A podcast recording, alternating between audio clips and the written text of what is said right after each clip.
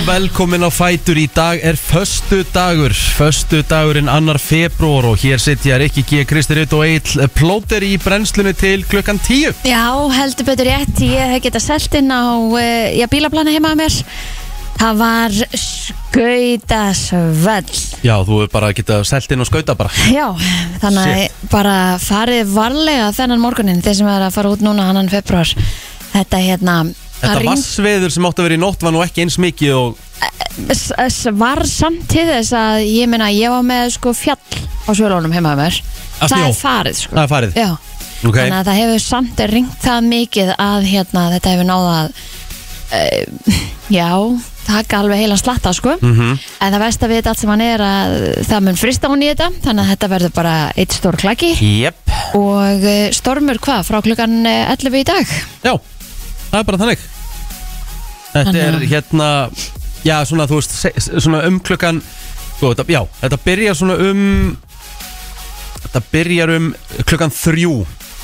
Þá á að taka við gul viðvörun. Mm Klukkan þrjú Og hún er alveg til uh, Já, hún er alveg til miðnættis. Þannig að Já. þetta verður alveg Það verður alveg nokkuð bara Nokkuð hressilegt viður já, um mitt en segi hérna gul viðvörun tekur gildi á höfburgsvæðinu Faxaflóa og á Suðausturlandi klukkan 11 í dag. Mm -hmm. á Breiðafyrði tekur hún gildi klukkan 9 og á Suðurlandi klukkan 13 í dag.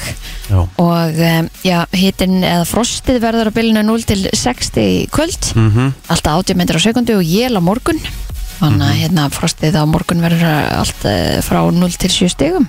En í aðtöðsamt viðfæring sjá viðst og Íslands kemur fram að það gengur í suðvestan kvassveri eða stormum háti með jæljum sunnan og vestan til. Það er ekkert Gleðilegan annað. februar Gleðilegan februar maður. Ég dúta mía. Já, já, þetta er bara stemming. Já, já, það er bara þarf að fylgjast vel með færð á vegum og hérna mm, og sérstaklega allar á milli landsluta Já, það getur breyst mikið og, og, hérna, og líka með stuttum fyrirvara. Já, Þannig að bara vera vel búinn og eins og við rættum hérna í gær vera bara á vel búnum bíl, dekkjum og passa að reynsa dekkin og tjörrinsan og, og það allt saman. algjörlega. Klaki heimi á þér, plóður Mm, já, bara aðeins á, á hérna, bílastæðinu. Um eitt.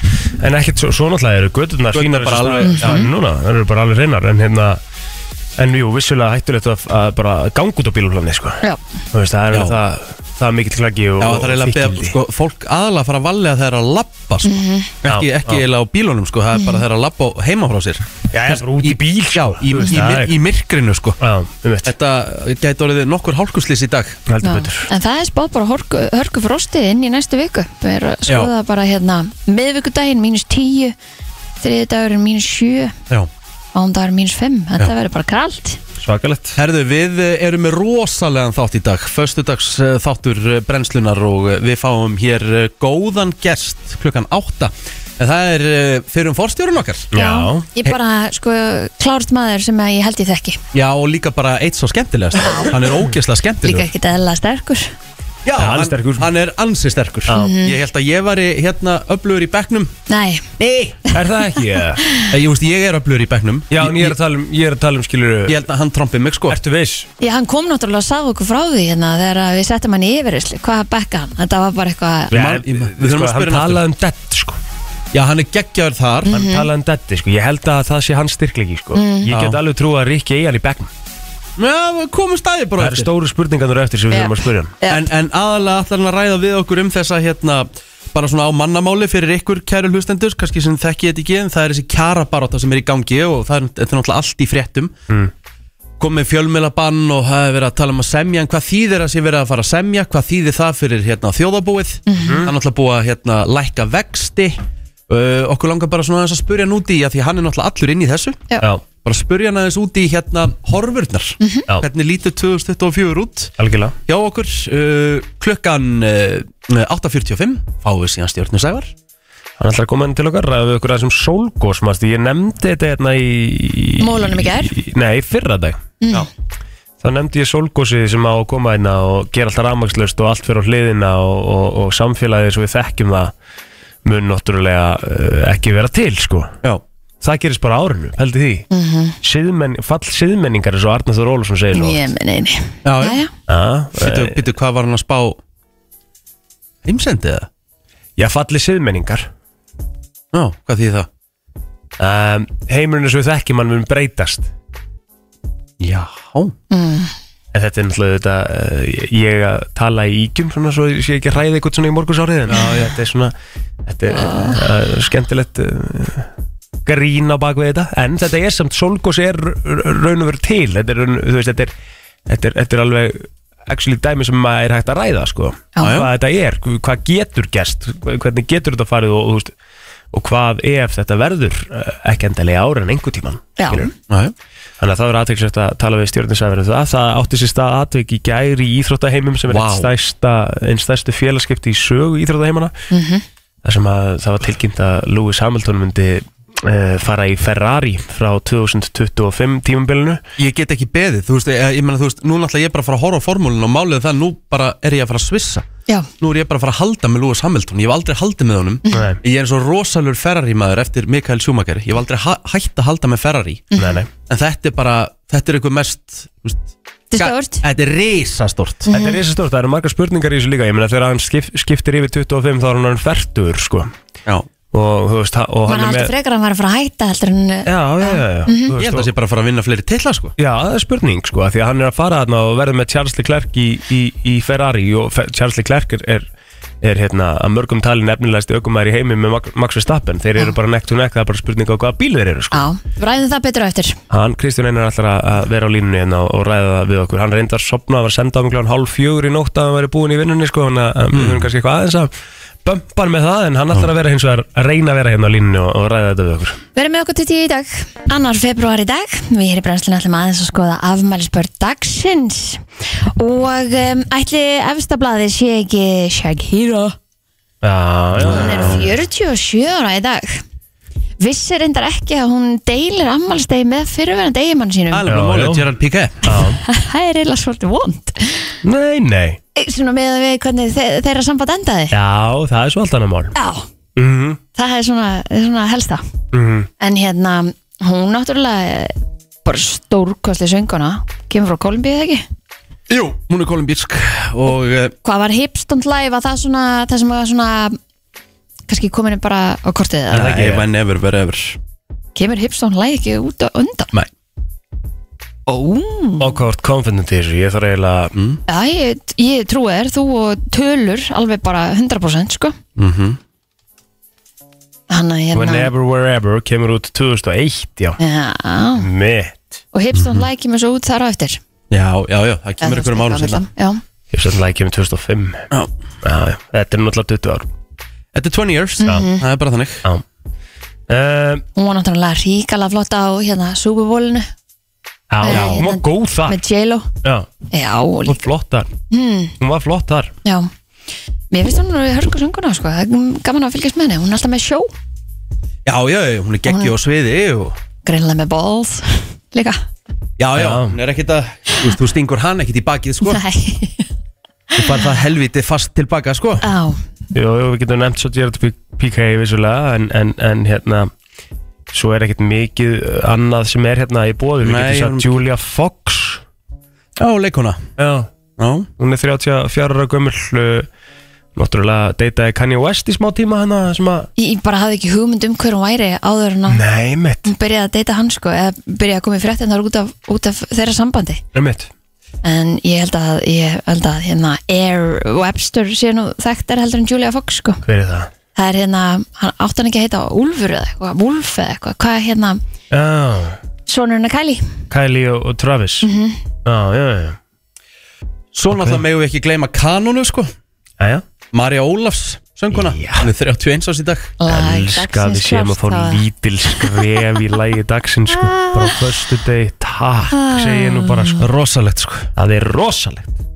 Herðu Ég uh, held að það sé bara flott. Er ekki? Jú, og bara þeir sem eigi ammæli daginn Ég til hafa ekki með daginn og ég bara, til, bara lukku með það að eiga ammæli á föstu degi. Já, stemming. Það er stemming sko. Förum í lag dagsins eftir smástund Þetta er Ed Sheeran og uh, lag uh, sem heitir Sing. Hvernig var dagurinn ykkar í gerð, krakkar? Herðu, það var bara næg Ég fór í klippingu, takk fyrir takk eftir. Hvað hvort fín? Takk. Vá. Já, nú sé ég. Já, það ekki, ekki Já, þið er ekki verið með núna. þetta aftan. Nei, Nei, nei.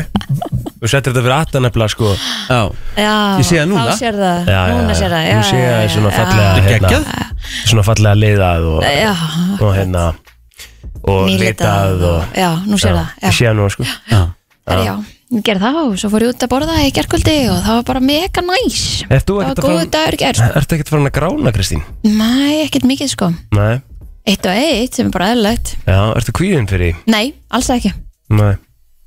Ég er ekki, ég er búin að segja þetta svo oft. Hvernig heldur þú verður þessi gömul og falleg kona?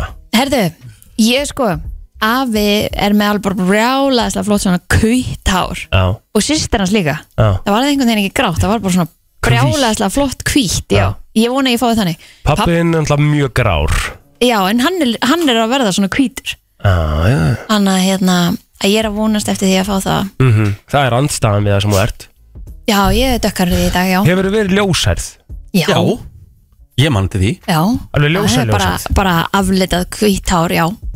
Ég mann ég til því. lappaði inn í vinnu og það hilsaði mér enginn að því að það er mér enginn. Lól það brá öllum bara, það var ógeðslega fyndið. En hvernig er það þá bara að þið litið ykkur ljóst fyrir sumari bæði tvö? Þú ætlaði nú að aflita það líka Sko, í það er ekkert mál fyrir hann að aflita á sér hárið þegar hann er með, hérna, segjum 5 cm, skilur við en að aflita allt þetta hár Já. og brenna það af, er, það er aðeins meira mál. Já, ok.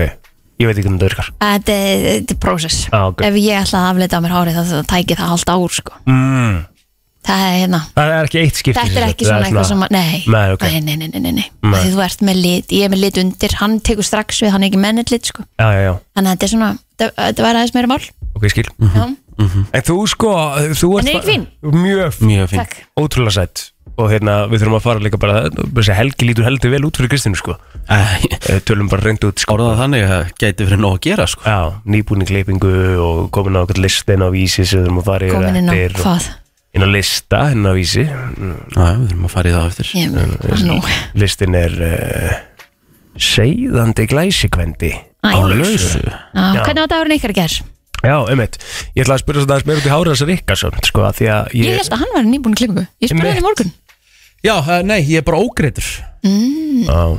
En ætlar ekki að snúða það aftur, þú var svo flott að snúða það mm, Ég, ég kannski hugsaði í sumar. Mhm. Þú veist, Mér var helviti kalt á skallanum í Því ég gerði þetta sko. Ég finnst afsökunar að hafa verið að svona tala þig niður frá því að snúða þig. Já, já, Ég get alveg getið sokk minn þar sko. Já, já varst mjög flottur Já, já, þetta klæði mér bara vel sko Og svona ekkert mál fyrir það að gera þetta Þegar þetta vex bara aftur á ángríns tíu dögum Já, Þetta er insane. rosalegt Tíu dagar varstu komið með Ég var að byrja, ég, þetta var í lok nóvumber, þetta var bara 20. og 8. nóvumber eða eitthvað Ég var að byrja að gela mig 10. janúar mm Emmett.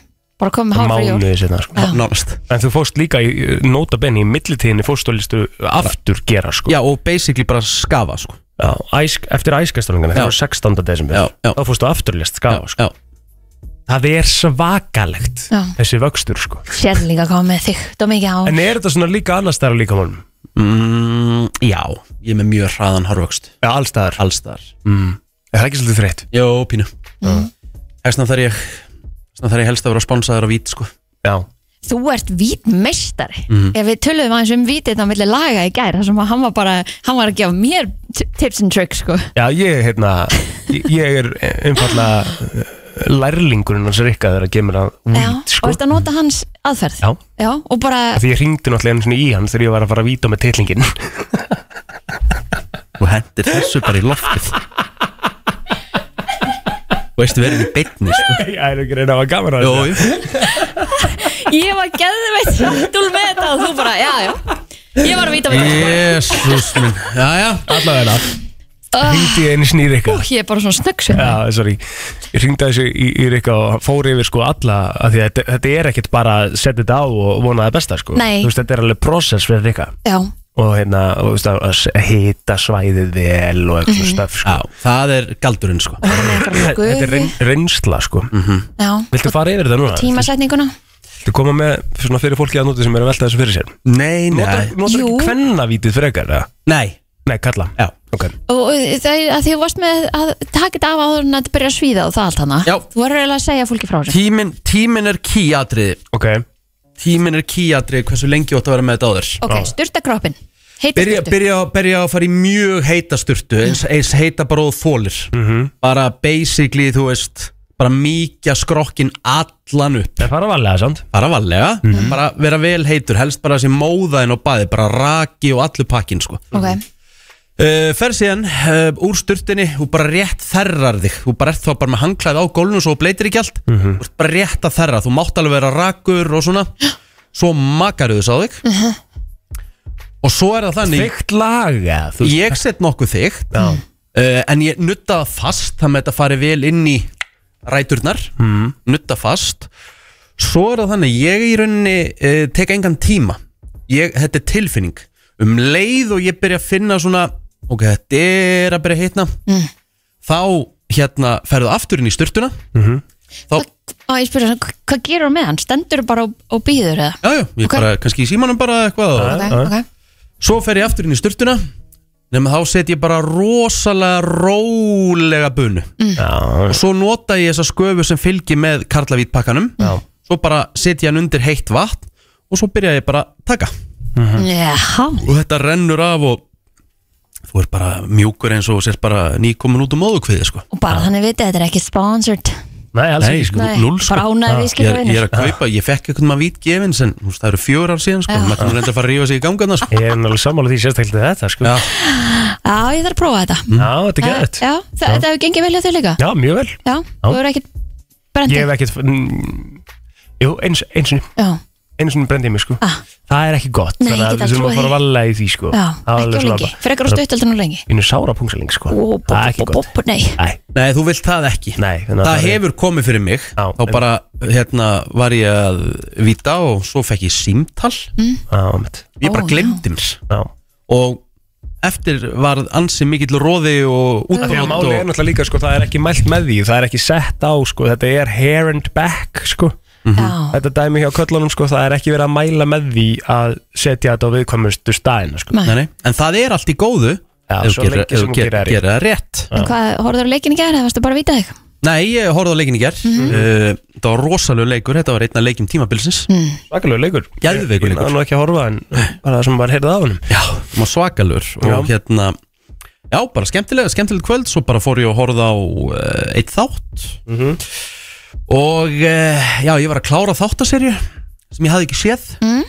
Candy, Candy. Jessica Biel. Alltaf að horfa okkar nýtt Já. Ég skil Ég ekki bara, hvað það hvar þú hefur tíman í þetta líka.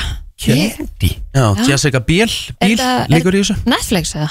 Nei, þetta er Hulu. Hulu, ok. Já, Og hérna, þetta eru þætti sem ég mæli eindriði með. Þetta er byggt á sönnum atbyrjum og þetta er í rauninni ruggla dæmi sko. Ok, Og Jessica Biel, þetta er eiginlega bara eitt besta hlutverki hennar já, ég tekka þessu. Hún náði meira þess að redda mannu sinni Justin Timberlake eh, hlutverki í teimi þáttum. Nú, já, já, já, já. Ok En þú, hvað gerir þú heil? Uh, herru, ég, það var nú eiginlega bara svona Ég smá krassaði eftir vinnu mm. En ég fór bara út með Patrik í eitthvað að leika mér Og, og hérna Og svo bara pantaði ég uh, Petsu Oh, Í gær. Næs og, og veistu hvernig ég borða hana? Nei, sem samloku Nei, nei, nei, ég borða hana bara lega, skilur Já, ok. En ég var að horfa á Masterchef með hann mm, Það er svo gæðvegt, sko. Ok, næs Ángrís, bara það er Það er ekkert betra en að horfa á mat á meðan þú borða mat sko.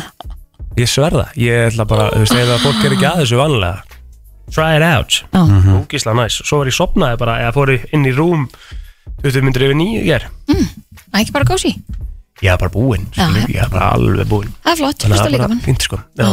Algjörlega. Þetta er mega næs, við fyrir maður í umræðina hérna eftir spám. Rétt. Allt sem skiptir máli og ekki Það er nefnilega það mm. Þú ert að hlusta á brennslun og við ætlum að henda okkur í umræðin og hvað er að frétta krakkar? Já, það er nú kannski það helsta Það gekk á hérna ymsju í nótt Það sem að var þetta mikil hlínun og, og talsverð rigning og var gefin hún til gul veður viðvörun sem að hefst klukkan 11 núna hér á Hauðborgarsæðinu en um, já, mikilvægt er að reynsa frá niðurföllum til að forðast auðvitað vastjón vegna rigningarinnar og leysingsvats sem að hefur verið mikið og auðvitað þeir sem að er að fara að stað út í umferðina núna. Auðvitað bara farið valega það er mikið myrkur úti eða einhvern veginn greinlega mjög, mjög skíjað en svo líka þeir sem að hérna, þurfa að lappa út í bílinn sinn fariði varlega því að Já. bílaplanið eins og ég var að segja við ykkur í morgun uh, var bara skautasvöll þannig að hérna að það gæti verið eh, já, bara hættulegt að fara til bíl. Heldur betur. Uh, Svo sko, kom sko greinin í gær gærkvöldi um átta sem var mjög aðteklisverð þar sem að fyrirsögnum var mikilvægt að undirbúa sig vel fyrir stóra skjáltan Já, vá maður. Og uh, þetta er hún Kristín Jónsdóttir sem er fagstjóri náttúru ár uh, uh, á viðurstofu Íslands og hún var að segja frá því að megi búast í jarðskjáltum að stærðinni um eða yfir 6 á höfuborgarsvæðinu Jæks. Hérna Bara segir svona í náinni framtíð Já, já, segir bara að það sé nöðsilegt að vera undirbúin þegar að því kemur og ég meina að þetta er svona típist dæmi um það að það sé gott að vera bú, að það sé búið að vara við þessu áður en að, áður en að því kemur sko. En uh, jarðskjáltarhérinn sem að mældist svöðustur af heiðmörk síðastlina helgi má reykja til flekarreyfinga og kvalnúks misgenginu Af hverju eru öll þessi fjöll og þessi dalir og þetta, Ég ég, veit skildi ekki þetta. hvað? Af hverju er þetta allt svona óþjál Þetta er svakalegt, sko. Á Hvað segirðu, hvar er þetta? misgenginu. Nú, þetta er á kvalnúks misgenginu Segir þetta fimm sinnur rætt en á, en, hérna, en á þessu svæði þá eiga þess til að- að að stóri skjálta getur komið hann upp. Já, sem að eiga sér stað um það bil 50 ára fresti og svo síðasti var uh, núna 1968 og að það er áður 1929 og þau eru svona vísundamenn að velta þessu upp núna. Að þetta gæti farið að eiga sér stað. Og nú maður að fara að hérna kannski vera með minna svona skraut heima hjá sér heldur en vanalega. Já, bara svona eitthvað neðar í hillunar og einmitt, ég taka niður það sem ykkur þau ekki væntum Já, ég með eina styttu sem er alveg nýð þung upp á vegg hjá mér sko. Emmett en hún er svona stað sem að er ekkit, það er ekkit, ætti ekkit að lenda á neinum sko. Nei. Skjald þetta sé bara spurningu það líka og getur svona nokkurn veginn svona Allavega- stýrt í hvað ef, ef að eitthvað skildi koma til sko þá, Númer 1, 2 og 3 Já. ekki vera með neitt fyrir ofan rúmið þitt. Já, ég hef aldrei skilið það ég hef aldrei, ég hef aldrei bara fílað það Þegar við fluttum í Tröllakór þá vorum við með uh, hillu fyrir ofan rúmið og vorum við fullt á henni sko já, Já, Svo hugsa maður, ég vil maður villast maður. Fer þetta beint á andlitið að þetta gerast um miðja nótt sko? já, já, þú veist við búum á búum á einhverju mesta skjálta landi í heimi sko. Já. Já, þannig að það er allavega mjög mikilvægt enga myndir eða skraut eða eitthvað sem hún getur fengið á þig. Einmitt. Um, Talandi um jarðskjálta, það var einn slíkur uh, 3,3 á stærð 3,3 á stærð sem að var við Djúbavatn sem að er norðvestur af Krísjövík um klukkan fjöguleiti í nótt en alls hafa nýju skjáltar orðu á svæðin í nótt og sá næstæsti maldist 2,6 að stærð um, en þetta bendir til þess að, að já, jafnvel geti eitthvað að fara að draga til tíðinda, veit ekki já, ég, Já. það er svona En- Ert þú að spá gósi um helgina? Sko að rúmlega spá í núna? 20 smáskjaldar hafa orðið við, eða semst yfir kvíkagangunum í í Grindavík Mhm. um, Þeir vilja meina það að kvikan sé að fara rosa snögt þarna um Mhm. eins og var fyrir seinasta skjálta Já. nei fyrir seinasta gos Já. og vilja meina að þetta geti, góðs gæti bara hafist á þess að við höfum hugmynd um að það sé að fara að gerast Einmitt uh, Svo kannski áður en við förum í Þannig já. í- Já, þú ert að spá Ég, því ég ætla að gera það Þú ert að spá um uh, helgina Á, já. En áður en við förum kannski í svona aðeins léttara hjal sko, þá verðum við að, að tala um þetta hérna að það er verið að spá mikill í fjölgun krabbaminstilfella á Íslandi um, og það er verið að segja hérna árið 2040 munum tæplega 3000 manns greinast með krabbaminn uh, hér á landi. En af hverju? Vilja, já, vilja meina að þetta sé lífstílstengt Nei, eða þetta sé au- aukin skemun sko það, það er sko uh, hérna, World Health Organization er að spá alveg þvílíkri fjölgun krabbaminstilfella bara í heiminum. Heiminum. Uh, sko, En hvað veldur?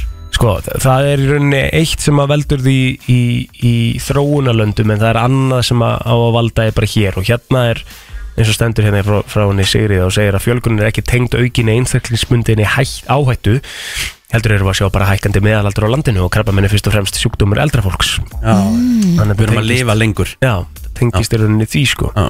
og bætir hún við að Íslandingar séu yngri þjóðun til dæmis nágrannlöndun okkar og þess vegna eru við svona aðeins á eftir í þessari þróun en þeir hópar sem eru að komast á aldur eru hlutvarslega mikið stærri hér á landi. Ég veldi því fyrir mér Allir einhver tíman muni bara vera þannig að þú, ef þú fær krabba minn þá bara er hægt að halda einir í bara Ma, maður myndi halda einhvern veginn að við værum við værum á, á því æfiskeiði að það ætti að gerast á okkar al- með allt sem er búið að gerast í læknumvistum Mhm. og allt sem eru búin að ganga í gegnum það hlýtur að fara þetta inn Já, það er annarkvort það eða ég segi nú bara eins og Helgi eða Big Pharma fær bara of mikinn pening fyrir Já, já. þetta það mun ekki vera þannig já, já. En það er er ekki alveg Big Pharma að fá fullt af peningum eða eru með liv til þess að halda í niðri Jú, það er bara svo margt sem fylgir sko. Já, það er svo gríðalega margt sem fylgir og hérna, það, er, það eru það er known fact sko, að það eru peningar inn, innvolverar í þessu skilur þetta Sem að kostar, stjórna. sem að stjórna helling í, í heiminum því miður Já. en maður vill vera, þú veist þess að ég hef sagt alltaf við helgar nefnina, maður vill, maður vill eh, Trúa á það góða. mannkinni, trúa á góða í mannkyninu að það sé í raun og veru verið að berjast fyrir því að allir En stjórnustu ekki að penningum Jú, þú veist, að einhver leiti en þú veist, stjórnustu við samt ekki Hvernig var hægt að finna eitthvað fyrir COVID á sko núleitni Mhm. En nú erum við með Alzheimer, krabbamenn og, og, og fleiri svona Koma sem að eins og bara- til já. dæmis sem eins að og, bara, það bara heit engin neitt eins og HFF alnæmi það var óvinnanlegu sjúkdómur bara 90s, 80s þetta Já, já, en nú bara eru liv sem hægt er að halda því bara niður og getur lifa alveg eðlu lífi sko. já, einmitt og þetta er svona, að þetta fara líka bara þráttur að að þetta sé að tala um þessa fjölgun núna en þá hefur maður nú alveg fundið fyrir fjölgun þú veist, það er bara Já. mikið af greiningum, sko. Og líka bara maður farin alltaf að þekkja fleiri og fleiri. Já, en Já, að léttara hjali eins og ok. Þá náttúrulega var dettin frétta sem er, er mjög áhugaverð. En uh, sem sagt, yfirvöldi í Indlandi sleftu núna á þriðudaginn dúfu. En þessi dúfa hafði sérst verið haldi í átta mánuði ok, vegna grunn sem hún væri í raun kynverskur njóstnari Hvað sagðirðu? en þetta er samt bara þekkt. Þetta hefur alveg verið gert. Já, hvað? var að vera kynversku njósnari? Já, já, yfirvöldi í Indlandi voru bara að halda dúfunni fangels í átta mánuði vegna grunn sem hún var í fekk hún sér klefa? Já, allir ekki. Það er grunn sem hún var í kynverskur njóstnari sko. I love og it þetta var náttúrulega bara þannig að það var gerði ítalið rannsókn á hlutunum Ah, eh, sem endaði svo á því að að það kom í ljós að dúfan slapp nú bara frá eiganda sínum í Tævan sko. Er það ekki? Jó, Já, já. Þannig að hérna. Átti þessi skýringu eða ekki? Jó, eðlilega jó, skilningu þetta var náttúrulega þeir au- auðvitað náttúrulega fríkuðu þeir út þegar þeir náðu sér dúfi í Mumbai í mæja því að það fundust ringir utan um fæturinnar og það voru sko kínverski stafir á vangjum þannig að eðlilega fríkaði þeir út og náttúrulega bara læsa hann inn í þessa dúfu. Eðlilega, bara sem að gerir Já, og það þurfti náttúrulega að fara fram mjög ítalir rannsókn En gott, allt, allt er gott sem enda vel. Það er spurning hvernig við bæta dúfun upp þessa átta mánuði. Herri, já, gaman að þessu. Við eh, erum að fá fyrsta gest dagsins eftir smá. Við komum þér á fætur alla virka mótna milli 7 og 10 Brennslan á FM 957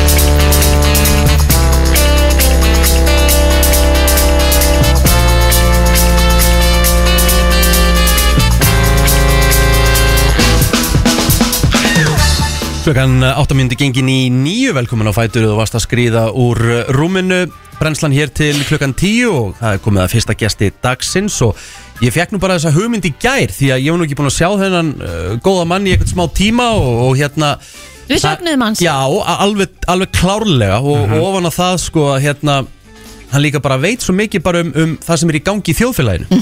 Og núna náttúrulega er mikið í gangi Ég meina allir fréttatímar Hver sem þú horfir, það er þessi, þessi svo kallega kjarabaróta. Já, sem er búin að vera núna í karpúsinu og, og nú er komið eitthvað fjölmiðlabann sem þýðir að það er eitthvað í, í, í sjónmáli einhvers, konar, hérna, einhvers konar samningar. En svona þá hugsa maður hvað, hvað þýðir þetta fyrir þjóðfélagið? Já líka bara ansi margir sem að eru, þú veist uh, þetta, snertur okkur öllum Við höfum kannski aldrei átt, almennilega átt okkur á hvað er verið að gerast á baku tjaldi akkurat.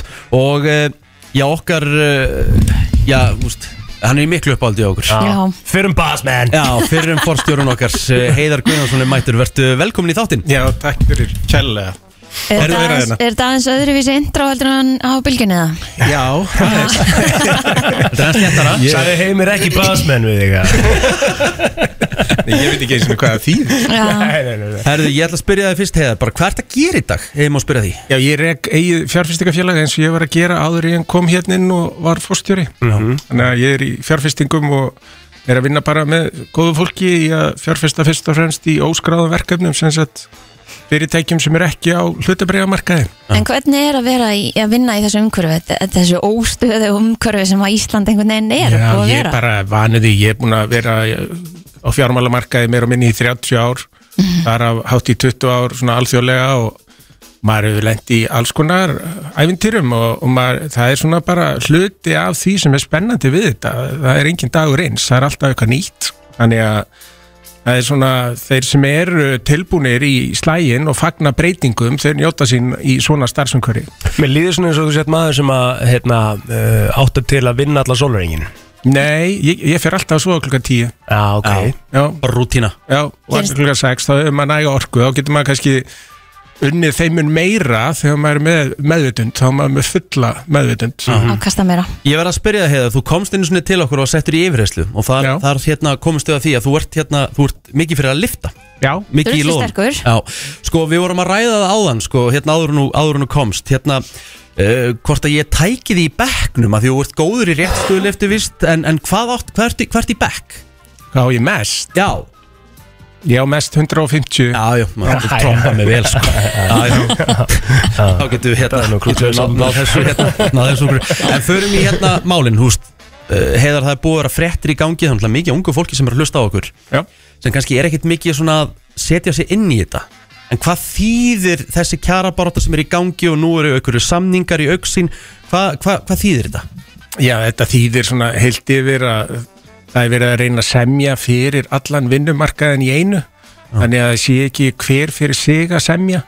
Og vonandi tekst það án verkfalla. Þannig að verkfall er ekki góð fyrir neitt og riðla mjög samfélaginu. Uh, þannig að hafa gríðarlegan kostnaði fyrir mig sér. Þannig að vonandi er hægt að semja bara fyrir alla á einu bretti. En nú hefur aðeins verið rætt launahækkun eða jafnvel engin hækkun. Um, er rámt að hugsa ok, enga launahækkanir en þá að fyrirtækin taki á móti þá í staðinn að það verði verðlækkanir um, lánin okkar við sjáum þau kannski lækka með vaksta lækkunum er þetta raunsætt að Nei, mér finnst það ekki raunsætt vegna þess að það sem er svolítið skrítið að í þessum heimi hagfræðina er að þá er alveg ljóst að þeir sem bera ábyrð á verðstöðuleika, þeir sem bera ábyrð á því að það sé ekki verbulga, Mm. er ekki við, það er ekki almenningur, það er ekki fyrirtækin, það er bara ríkið.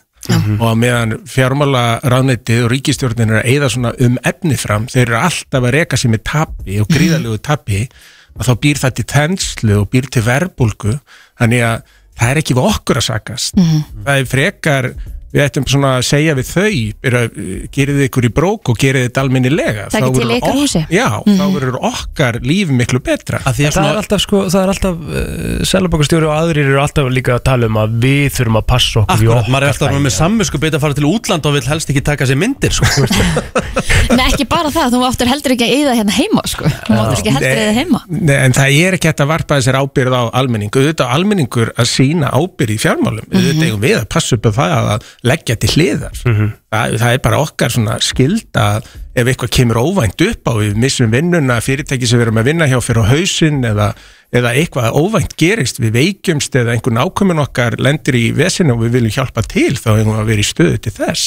Þannig að mér finnst alveg eins og við sínum svona ábyrð þá er þetta ríkið með sama hætti að sína ábyrð En er þá í rauninni alltaf bara verið að beina sjónum sínum á vinnumarkaðin en ekki á ríki það Já, því miður. Já. og það er svolítið að vera að kenna okkur um eitthvað sem aðrir er að gera. Mhm. það er svona, þessi verbulga og þessi óstöðuleiki er afleðingin af því sem er í e, ólægi hjá ríkinu. En nú hefur, já, nú hafa fyrirtækin sagt bara við, við getum ekki meir. Veitingabaransinn og aðri sem segja bara laun eru bara komin þann, á þann stað að við bara eigum ekki svigrum í þetta. Já, það er eins og uppáhaldsveitingamæðurinn minn Jakob sem rekur Jónfrúna að afskaplega gott að koma þanga, frábært starfsfólk og, og hann spyr sér bara býtu, sá sem vill vinna á vöktum sá sem vill vinna á kvöldin hversin er verið að stilla upp kerfi sem miðar alltaf að því að allir sé að vinna 8-4 og engin vinni með öðrum hætti meiga þeir sem vilja vinna á öðrum tímum eða henda þeim betur og, og annað og hafa meira gaman að því meiga þeir ekki semja út frá því að það sé þeirra val það er alltaf eins og það sé verið að pína fólk eða vinnur um helgar eða pína fólk eða vinnur á kvöldin Já. það er ekki þannig Nei. En hvaða kerfi getum við hort til sem að er kannski að gera þetta uh, að þínum að þetta er betur en við erum að gera þér heima? Ég meina að á Norðurlöndum að þá er svona heilbriðari samskipti og heilbriðara umtala á vinnumarkaði. Það er ekki verið að reyna að steipa alla í sama mót. Það er verið, ef svo má segja, að fagna fjölbæriðileganum. Já, Sko, ég ætla, ég ætla að spyrja, þú veist, eða verður samið og það verður eitthvað launahækkanir Þú veist, að því nú að vera að lækka vexti En það er ekki búið að lækka vexti en menn er að vonast til þess. Ok, En er þetta ekki alltaf bara að fara beint út í verðlæð? Mundi ekki alltaf bara, maður finnur aldrei fyrir launahækkunum, þú átt aldrei meira. Ef, ef við skoðum hérna frá 2012 það hafa raunlaun á Íslandi þess að ráðstöfunatekjur það sem við höfum eftir í vasanum leiðrétt fyrir verbulgu og alls konar bara breytingum á krónin og eitthvað að það var lífskjörin hérna batnað alveg gríðarlega frá 2012 þannig að við sjáum það nú líka bara að frá 2012 hvernig Íslendingar er að haga sér. Var ekki hálf þjóðin á Tenerife um jólinn og hinn helmingurinn var á Europamótin í handbólta það er ekki eins og það sé hér allt í volli. Nei, Nei, nei. Nei, En, en fólki finnst það samt ekki hafa sko, og manni finnst, jafn- maður, man- finnst maður aldrei hafa nóg. Nei, en, vill en það er alltaf eitthvað aðeins meira. En þannig ertu samt að tala um, þú veist, vörð, hérna, það er svona basic atriðin eins og til dæmis bara að geta borga húsininu og kaupi já, matinn. Já, já, já, og þá Fólk er það svolítið að sníða stakk eftir vexti. Auðvitað er alltaf, kannski það er oft talað um það, einn akkurinn 20 það þarf virkilega að faðma þann aðila og, og hjálpa honum. En, en 19 akkurinn 20 eiga með góðu móti að geta bara framfleitt sér sjálf. Þannig að þetta er ekki svona kerfi þar sem uh, það þarf að hjálpa öllum. Það er miklu betra kerfi ef að fólk getur hjálpa sér sjálf En þú ert að tala um að hérna, að þú veist þetta, eh, þú veist það er ekki hægt að setja þetta á almenning, ég meina Sælabankastjóri hefur bara þetta vopna að hækka vexti til þess að koma í veg fyrir allt fari í, í bál og brand, en ég meina þú veist að tala um ríkistjórnin, ég meina þá, veist, þá hefur hún að þínum að bara verið að standa sig illa. Já, hún hefur bara bröðist í því að eigða um efni fram og, og í raun og veru skuldsetja þá ungt fólk í framtíðinni. Vegna þess að ef að ríkið eins og svo að þú sért í skóla í dag og þú bara býrð heimi á mömmu og pappa og ert í skóla og, og svo er verið að eigðum efni fram í alls konar verkefni sem nýtast þér ekki neitt og það er slegið lán fyrir því til 20 ára svo kemur út á vinnumarkaðin eftir 5 ár þá ert þú í 15 ár að borga þetta 20 ára lán en þú fegst ekki peningi en að þetta er eitthvað sem ungt fólk á að hugsa með sér að ef að fólk er að eigðum efni fram í dag hjá ríkinu, ef að ríkið er að skuldsetja sig í dag, það eru skattar framtíðar fyrir unga fólki talandum að skuldsýta und fólk og, og, og þá kannski vilja uh, spyrja út í húsnæðismarkaðin og, og þessi lán sem er í bóði hjá bankunum og bankarnir að skila 33 miljardar, miljardar króna hagnaði á síðast ári og liggur þetta líka hjá ríkinu? Ég sko ríkið á landsbankan og hann var að sína 12% ávustun á eigin fjö en 12% ávustun á eigin fjö ef ég mann rétt, minnur að það verið 12 að, að hvað er það þegar verðbólgan er, í fyrra var hátt í 10% Mhm. ég meina það er ekkit mikil ávustun Nei. Það er 2% raun ávustun Er Þannig að þetta þá bara típist dæmi um stórar tölur af því að þetta er stór aðgerð? Já, og, og, og bara risa apparat og, og, og risa efnaðsreikningur sem eru með. Og uh, þannig að hlutföllum, maður er alltaf að skoða þetta í hlutföllum eins og þú segir réttilega. Og þess vegna bankarnir finnst mér ekkit vera ógræðina uh, auðvitað í dýrtega viðskipti við banka en þá má bara reyna eftir fremsta megni að forðast og þegar vextir og háir þá eru þetta peningunum betur varið í að borga niður lánin heldur en að fá sér flöskuborð og átó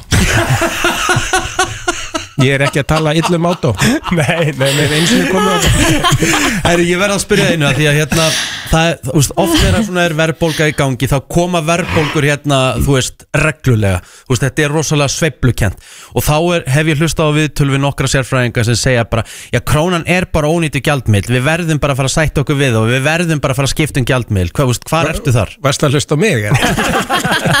Þú veist að fá nýjan gjaldmiðl Já, ég Þú hefur svolítið talað fyrir hvað, við tengjumst kanadíska? Ég er bara dólar eða kanadadólar vegna þess að ef þú færð alþjóðlega mynd þá býr það bara til myndfrelsi út að þetta skipta alþjóðlega myndum yfir í hvað sem er. Þá getur þið nota evru eða viljið það ég geti nota svisneska franka eða dollara, kanadíska dollara, hvað sem er. Vegna þess að þetta er svona eins og Íslandi framleiðum við ekki bíla. Uh, við bara höfum ekki tæknina, við höfum ekki kunnáttuna, við höfum ekki möguleikan á að gera það á hagkvæman hátt. Á sama tíma höfum við minnsta gjaldmiðilsvæði í heimi, hvernig höfum við að geta búið til mynd sem stendst samaburð við stæstu öflugustu myndir í heimi. Einst að vera svona einfalt. En myndi ekki liggja speinast við að tengja hana við eins og Eða bara taka upp efru, það er ekki Já. að tengja hana með efru, það er bara að byrja að nota efru, það getur engi bannað okkur það. Já, vegna þess að peningar er ekki ygg sæðlabanka, peningar eru ygg þess sem heldur á peningnum í hvert skipti. Þannig að peningar eru skuld sæðlabanka og fullu framsænuleg þannig að ef að sæðlabankar ætlar síðan að segja að þið með ekki notið til þetta, evróski sæðlabankin eða bandariski getur ekki sagt við þá sem eiga dollar eða evrur, þið megið ekki gera þetta eða hitt. Nei. nei, bara sko áður en við sleppur ég verð bara að hérna að enda þessari spurningu. Hvern, hvernig horfir bara 2024 við, við landinu Já, sko, það er náttúrulega ræðilegt það sem er að gerast á Reykjanesi og maður finnur virkilega til með fólki frá Grindavík og, og þar í kring og það er mjög erfitt ástand og auðvitað smiðar það út frá sér inn í ferðaþjónustu að þegar bláa lónið, eitt helsta aðdráttarafl Íslands og, og, og, og svona sá ferðamannastæður á Íslandi sem er langt best kynntur í heiminum þegar honum er lokað, auðvitað hefur það áhrif. Þannig að við getum ekki sagt að allt sé í blóma en, en þess utan lítur bara landið og, og, og árið mjög vel út. Og það, það svona og það er ekki á okkar ábyrg hérna almennings en ríkið á að fara fram og í raun og veru bjarga því sem hægt er að bjarga í Grindavík og, og það stendur á þá. Hva, í loka spurning, hvað ráð getur þú gefið fyrir ungd fólk sem er svona uh, kannski í smá bökkum í peningunum, hvað er hægt að gera? það er að minka neysluna og, og hérna, ef það hægt er að auka tekjurnar, að auka þær og byrja að borga niður skuldir. Og það er náttúrulega, ég bjó í bandaríkjanum bara að vinna á Wall Street hérna í kringum 2000 í mörg ár og, og þá sá maður þessa bandarísku neyslu hagðun uh, las tölur um það að menn vera með meðaltalið þar hátt í tíu greiðslukort á mann til þess að velta vandanum á undan sér og borga þannig vexti. Og þegar maður fer út í búð og maður fer á sjálfsafgreðslu kassan og það, maður velur að borga með símanum greiðslukortið eða debitkortið þá bara við hliðin á í takki að borga með netgíró að borga með netgíró það er náttúrulega svakalega dýrt þannig að það er betra að fórna einhver í dag, einhver í neyslu og leggja til hliðar upp og að fá miklu meira í, framtíðinni. Það er svona eðli fjárfestingar að neyta sér um eitthvað í dag til að uppskýra miklu meira í framtíðinni. Heiðar. Guðjónsson, já, Heiðar Guðjónsson fjárfestir uh, kæra þakki fyrir komuna. Takk fyrir mig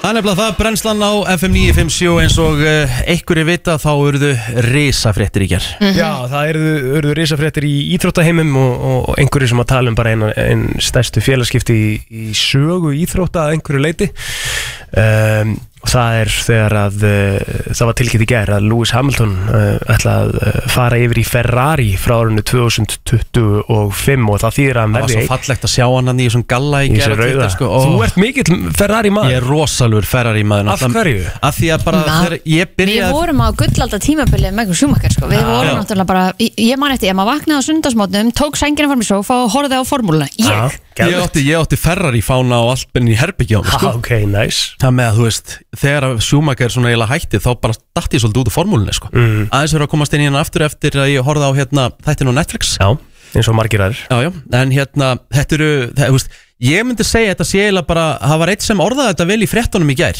Mhm. Þetta er bara eins og þegar Luis Figo fór úr hérna Barcelona, Barcelona í í Real. Madrid. Við erum með einn helsta sérfræðing uh, formúlunar á Íslandi á línni, Kristján Einar. Uh, góðan daginn. Góðan daginn, þetta er ekki, þetta er miklu starra en þegar Fíko fór í, í, í uh, Real sko. Þetta er stærra. Já, ég myndi að þú veist Fíko, ef, ef, að- ef, að- ef að um, ef að Messi hefði verið til Real Já. Það er það sama þá verður það Við saman. erum þar, við erum að tala um, um, um nágan sem er að, er að uh, hann er að gera þetta til þess að, að þetta er eina fjöður sem gæti mögulega þekk í hattin. Ég, ég neita að trúa þessi einhver önnur saga. Hvað, get, hvað annað á Lewis Hamilton eftir til þess að, að, að svona af þessum hlutum sem þú getur einhvern veginn tikkað í bóksið. En á hann ekki eftir Án að fara að- fram úr Schumacher samt? Í titlum? Jú, en þú veist, hann er jafnunum og hann á alla, alla hína, öll hín metrum fyrir fjölda. Já, þú veist, hann er, hann er með flestar áspól, hann er með Já. flesta hérna, pódiums og þess að þar. Já, og ef, ef, ef þú einhvern veginn ferð úr formúlinni, búin að gera McLaren að heimsmyndsturum, búin að gera uh, Ferrari að heimsmyndsturum og byggja upp Mercedes og, og það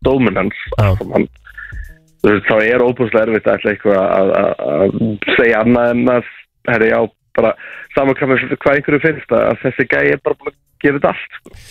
Sko, þetta, þetta, það er svona pínu að vinna heimsmyndsturum með Ferrari er svona pínu eins og þú veist alltaf að tala um hérna með uh, þú veist all, uh, gegn tíðin eins og með Messi og, og, og Ronaldo og pointið var alltaf já þau voru ekki búin að vinna HM skilur einmitt. En er hann að hugsa þetta þannig að hann ætlar að fara að fara þarna verða meistari þarna, hættar að topnum einhvers konar pæling Ég, já, þú veist, það sem er nettast við þetta allt saman er að um, hann er að fara á móti superstjörnu í Prime sem að er rosalega hátt skrifaður í liðinu. Já, Charles Leclerc sem að, já, já, sem að ferðir eru búin að voru að skrifandi samning til sko um, 2029 það er bara til það mikið hversu um, bara mikið tröstu sér á hann Já, þannig að, að þetta er bara þetta er svo stórt að uh, bara ég hef aldrei séð aðra eins manni þú veist uh, bara já. En er ekki pínu magnað að ekkert af þessu hefur lekið? Af því að ég meina, nú þarftu að kynna þér hérna bílinn og hvað ætlar að fara í og þú veist að það er að opna alls konar bækur að þetta hafi hvergi náða að leka? Nei, minna sko, við erum alltaf að tala um það að, að þetta er að gerast eftir ár Já, hann hafði vantur að keira allt tímabili með Mercedes og það, þetta, þetta verður skrítið þetta er ekki fyrst getur sem þetta gerist. En jú, þú veist uh, ég, ég hef aldrei séð jafn stóra frétt um, sem er ekki um þú veist bara döðsfall eða eitthvað álíka. Um, sem að kemur mér jafn mikið óvart. Þess vegna ég og Ræði vorum um búin að plana að við ætlum að taka upp eitt svona þátt uh, sem átti að koma út eftir næstu um fyrir hérna bitir í gær. Og hérna og ég, ég lít á eins og ég stekkin í eitthvað herbyggi í síman þegar ég klára símdalur komið 211 notification og síman og bara ég bara senda bara hérna ok, ég, það er búið ákveð fyrir að vennis já Sko, að því að þú nefnir þetta líka með þetta eina ár sem að hann, að, sem að hann er að fara að keira fyrir Mercedes Muna, Þetta er svona dæmi sem að gerist í handbolta sem að allir vita er frekar lítil íþrótt og alþjóða uh, vettvangi, þú veist. Þetta hefur, hefur aldrei verið gert í, í Formule 1 Er þetta ekki eitthvað sem að gæti svolítið litað þetta til tímbil sem er að fara að stað eftir skömmu stund? Jú, 100% og mun gera þetta verið saga allt árið. Já, allt árið. Veist um, og það verður rosalega fróðlegt að fylgjast með og er líka það að, að sko samkvæmt öllu sem að við vissum og var gefið út að bæði, bæði Hamilton og Ferrari þá erum við að tala um að eða fyrir ekki Hamilton og Mercedes þá erum við að tala um að, að sko 2020, hann, hann var með sanning út árið 2025 já, með mitt og það er alltaf búið að hljóma bara formsatri með, með 26 samningin og, og, en hann var með einhverja, uh, einhverja klásulu til þess að og við, veist, ég skilda og, og býstu því að sé að þá það, var það til þess að geta hægt því hann er alveg veltið fyrir sér. Já, ekki til að fara til höfstu keppinunda eða Sko, og, Einmitt. og svo þegar þegar kemur að þessu þá eins og nefnir líka hann að hann er að fara og vera hann er í liði með Charles Leclerc uh, það er alltaf að tala um dræfin nummer 1 og dræfin nummer 2 hvar, hvar kemur Lewis Hamilton inn í þetta lið? hann er alltaf ekki að fara að dræfa nummið tvö Nei, mitt. hann er það verður bara, þú veist, þetta, verður bara það verður bara slagur þar fyrst, þú veist, eh, Rikki, nú þú harður færri maður Já, hvernig líður þið með þetta? Veist, þetta bara- er gæinn sem, að- þú veist, ég man alveg ekki þegar við vorum uh, nýri í skaftalið já og uh, hann var að pakka ferðar í hver einustu helgi Hatta, ég, ég, ég, ég, ætla bara að segja hreint út Ég, að, hata Lewis Hamilton sko. Það er bara því hann er að vera svo ógeðslega góður en, en núna grínlöst þá er ég að fara að halda með óvinni mínum í formúlinu undan fara nár sko. Já, já Ég held að hérna, ég, ég, er, ég er búin að hafa mjög gaman að tala sko bæði við hardcore Mercedes og Hamilton fólk sem var að öllum líkundum þá anti-sjúmakar og svona Já. og lendi þá í því skrýtna að, að mögulega einhvern veginn halda með Fettel þegar hann fer til Ferrari og, og, og veit ekki alveg hvað átt að vera og svo þú veist, einmitt uh, uh, Ferrari fólki sem er bara uh, þú veist, þau sjá bara bara ekkert gott einhvern veginn í, í Hamilton eftir þessi ár Já. og það veit einhvern veginn flest, flestum við viðast ekki vita hvernig á að taka því Nei. Nei og þú veist, ég meina þetta er náttúrulega bara góðsögn að að lenda að nynni, ég meina það er uh, lengi verið að tala um það að hann sé besti allra tíma, þú veist og ég meina ef, ef Abu Dhabi 2021 hefur farið eðlilega þá væri hann með flesta titla sem er leiðis þú veist, þannig að þetta er náttúrulega bara það, það er ástæðan fyrir þess að fréttir eru svona risa stórar En þetta er skemmtilegt samt Þetta verður bara er að fylgjast með þessu. er það Já. ekki? ég Ég fyrir kannski að. koma ekki frétt í formúlunni og ég er ekki að grínast frá síðust keppni í fyrra og fram að jólum ég bara við að reyna, sko, ég vorkinn svo fólki sem er fullir vinnu við að halda út í fréttabelum um þetta, því að það, það bara, þú veist þetta, þetta var ekki hægt, sko. Nei. og svo núna fer þetta ár bara á stað með einhverjum sprengjum eftir sprengjum eftir sprengjum og, og hérna og svona kannski að setja í samhengi um, hversu stórt þetta er. Bara svona, þú veist, og ef við horfum bara á um, bara svona sögu einmitt, ja, bara reyna að setja í einhvers konar samhengi um það hversu stórt þetta er í Íþróttu því að er það að ef við, við tökum þú veist vörumerki sem að eru einhvern veginn eru Formúla 1 þú veist er ferrar í Formúla 1 lið ekki bara stærra vörumerki heldur en jafnvel Formúla 1 Jú, já, Lewis Hamilton ekki bara stærra vörumerki heldur en jafnvel bara Formúla 1 einmitt. Og, og hérna að horfa á það að í svona, þú veist, að í alheimskreppur eða slæmu allavega, ekki ekki alveg skreppu en, en slæmu, þú veist, efnaðarsástætti með alls konar ruggi í gangi í heiminum þá fór luxusbílaframlegandinn Ferrari í hæsta virði hlutabrefa eftir e- eitthvað 13% í sánum hvernig markaði lóku gera en það var alltaf var hvernig ansið átt 13% hækkur á einum degi. Þetta, var, þetta, þetta byrjaði bara að hækka fyrir þetta var slúður í morgunum Já, já. Hérna, Kristján, síðast spurningin uh, tímabilið, hvenær fer það á stað og við hverjum að búast? Herra er mánamótin. Um, Það er frábær spurning við hverjum að búast. Uh, Það er búið að henda allavega alls konar uh, þú veist uh, bara einhverjum einhverjum uh, þungum hlutum hérna inn núna og, og þú veist núna það náttúrulega líka og hitt sem við meðum ekki gleyma sem er síðan líka fyrir 2025 að, að það er, allir, er all, eiginlega allir aukum en allir fyrir því að tala við Mercedes sem að gera fyrir þá sko. Já, já, þannig að hérna þannig að þeir mun uh, það verður mikið af sögur sögur mikið að skilja út um en fyrst fremst það bara formúla festa þarna uh, mánamótin æfingarnar loka við ykkur að fyrir þá sem svona goggunaröðum svolítið að, eh, að byrtast en svona það fyrsta sem að við erum að heyra mjög, mjög uh, stert slúður um er að McLaren séu allt ennþá á byllandi siglingu frá síðasta hausti. Æja, þannig að uh, spurningin er alltaf bara að þú veist, nær, náum við að, að ég ná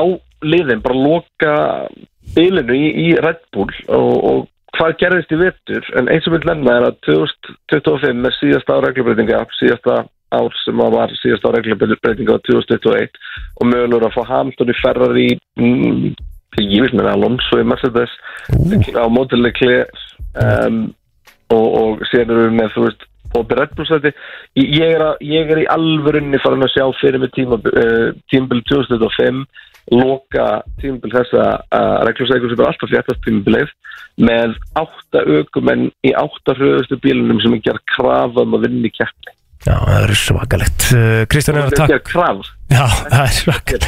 Kristján, takk fyrir að taka síman og hérna, já, sömulegis Þetta eru risafréttir sem við vorum að klára hérna. Við ætlum að hins vegar að tala við stjörnusæfur til smá, það er Solgós Brennslan Á FM 957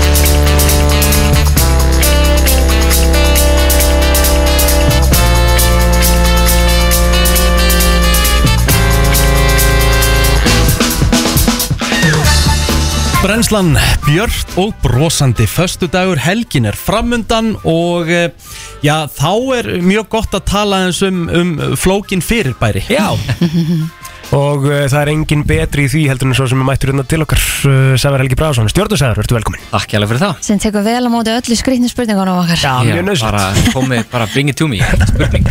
Sko, við erum búin að fá hérna sko, það er, í fyrsta lagi er, er aðtiklisverður mánuður uh, Já. núna sem er genginningar, það er hlaupársmánuðurinn og við ætlum kannski að fara yfir það eftir en mér langar að byrja á því að ræða við þig um hluti sem að ég var bara að heyra um almennilega í fyrsta skipti á ótrúlega samfélagsmiðlum TikTok. Já, og hjá vinnum mínum í, í undralandinu hjá Arnari og, og Arunni og þeir, þeir hérna voru að taka einhverja samsæriskenningu sem að snerist um uh, mögulegt sólgós árið 2024 sem að geti gert það að verkum að uh, allt fer í lamasess hér á jörðinni. Já. það verður ramakslust og siðmenning fellur eins og hún já, bara heimskursir Já, bara svona náma okay. Já, þetta er alltaf að fara að gerast. Ok, Af því að. TikTok lígur ekki. Einmitt. Það er Þú átt að allt henda saman rétt sem er á í TikTok. uh, Nei, þetta okkar sé ekki alveg raukastiðast Ok. Og það sem að sólgós eru er að s- sólin okkar náttúrulega stjarna Já. Hún er líka segulmögnuð Þannig að hér og þar þá byggist upp rosalega mikil orka í kringum fyrirbæri sem þetta sólblettir þegar svo orka losnar úr læðingi þá verða svona sólgós eða sólblossar Mhm. og þegar sólblossar verða þá verður bara rosalega kröftug sprenging þessi sprenging er svo öflega að hún geti til dæmis knúið mannkinni hérna bara veitt okkur orku í, ra- í raun og veru í 2000 ára Já. að öllum mannkinninu, þannig að þetta er gríðilega orkur í fyrirbæri Mhm. en þegar blossinni verða þá hendast hendist ímis konar geislun út í geiminn, til dæmis röngingeislun og hún getur haft áhrif á andrumsloftið okkar en þessi fylgir líka stundum það sem þetta kórunu skvettur eða kórunu gós þá er svona svolítið svo sólinn segja hnerra. Og þegar þetta hnerr sem að ferast á ógnarhraða skellur í jörðinni þá geta spanast upp ströymar í yðrum jörðarinnar Mhm.